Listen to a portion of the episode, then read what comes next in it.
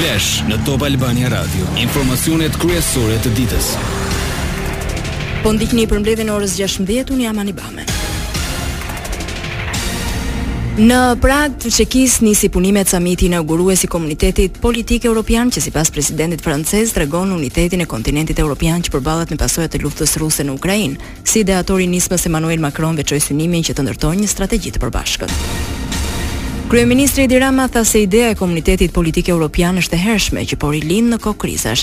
Rama shfaqi shpresën që të mos kemi nevojë për kriza për të pasur sërish takime. Shpresoj të shfrytëzojmë këtë takim dhe të vazhdojmë të ndërtojmë diçka të rëndësishme për komunitetin e madh evropian, deklaroi kreu i qeverisë. Në samit Kosova po përfaqësohet nga presidentja Vjosa Osmani, e cila tha se në platformën e re të gjithë përfaqësohen në mënyra të barabarta dhe është vendi për të sjellë ide për të tejkaluar sfidat e përbashkëta. Ndërkohë presidenti serb Aleksandar Vuçiç deklaroi se nuk ka frikë nga ata që sipas tij kërcënojnë Serbinë për mosvendosjen e sanksioneve ndaj Rusisë.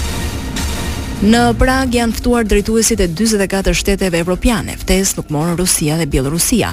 Më herët gjatë ditës, shefi i diplomacisë së Bashkimit Evropian, Josep Borrell, deklaroi se takimi dërgon sinjal të qartë për izolimin e Rusisë, shtet që ka nisur një luftë të paprovokuar ndaj Ukrainës. Lajmet në internet në adresën www.topalbaniaradio.com.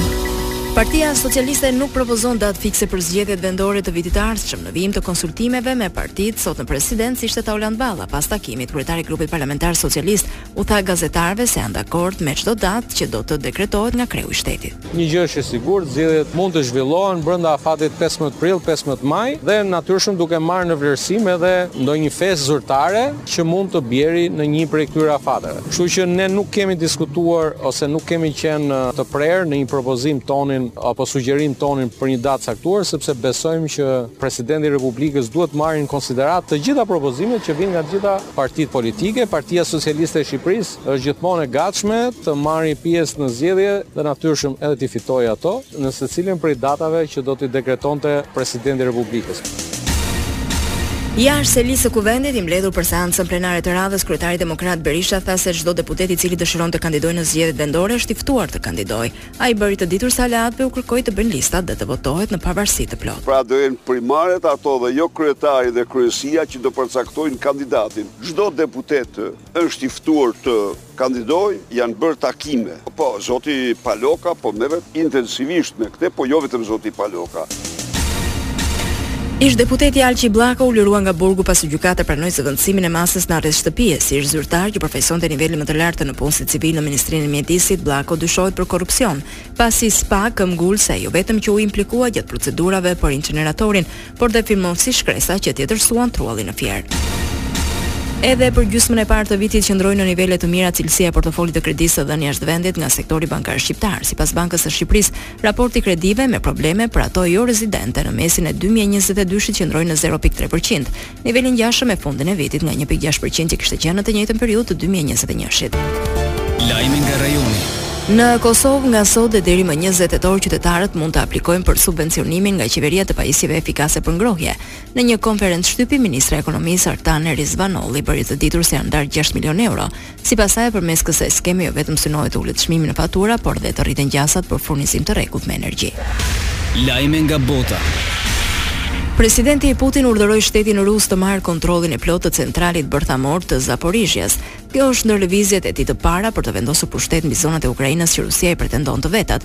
Urdhri erdhi pas nënshkrimit të dekreteve për aneksimin e katër rajoneve ukrainase që kontrollohen pjesërisht nga Moska, Ato janë Luhansku, Donjecku, Hersoni dhe Zaporizhia.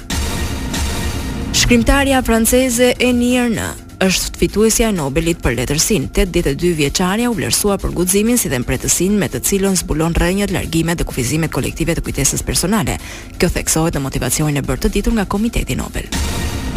Me interes pritet e nesërmja kur mësohet se kujt do t'i shkojë Nobeli për paqe, ndërkohë të hënën e 10 tetorit akordohet ai për ekonominë. Çmimet kanë vlerën e nëntëqind mijë e treqind e pesëdhjetë e shtatë dollarëve dhe shpërndahen në ceremoninë e dhjetë dhjetorit.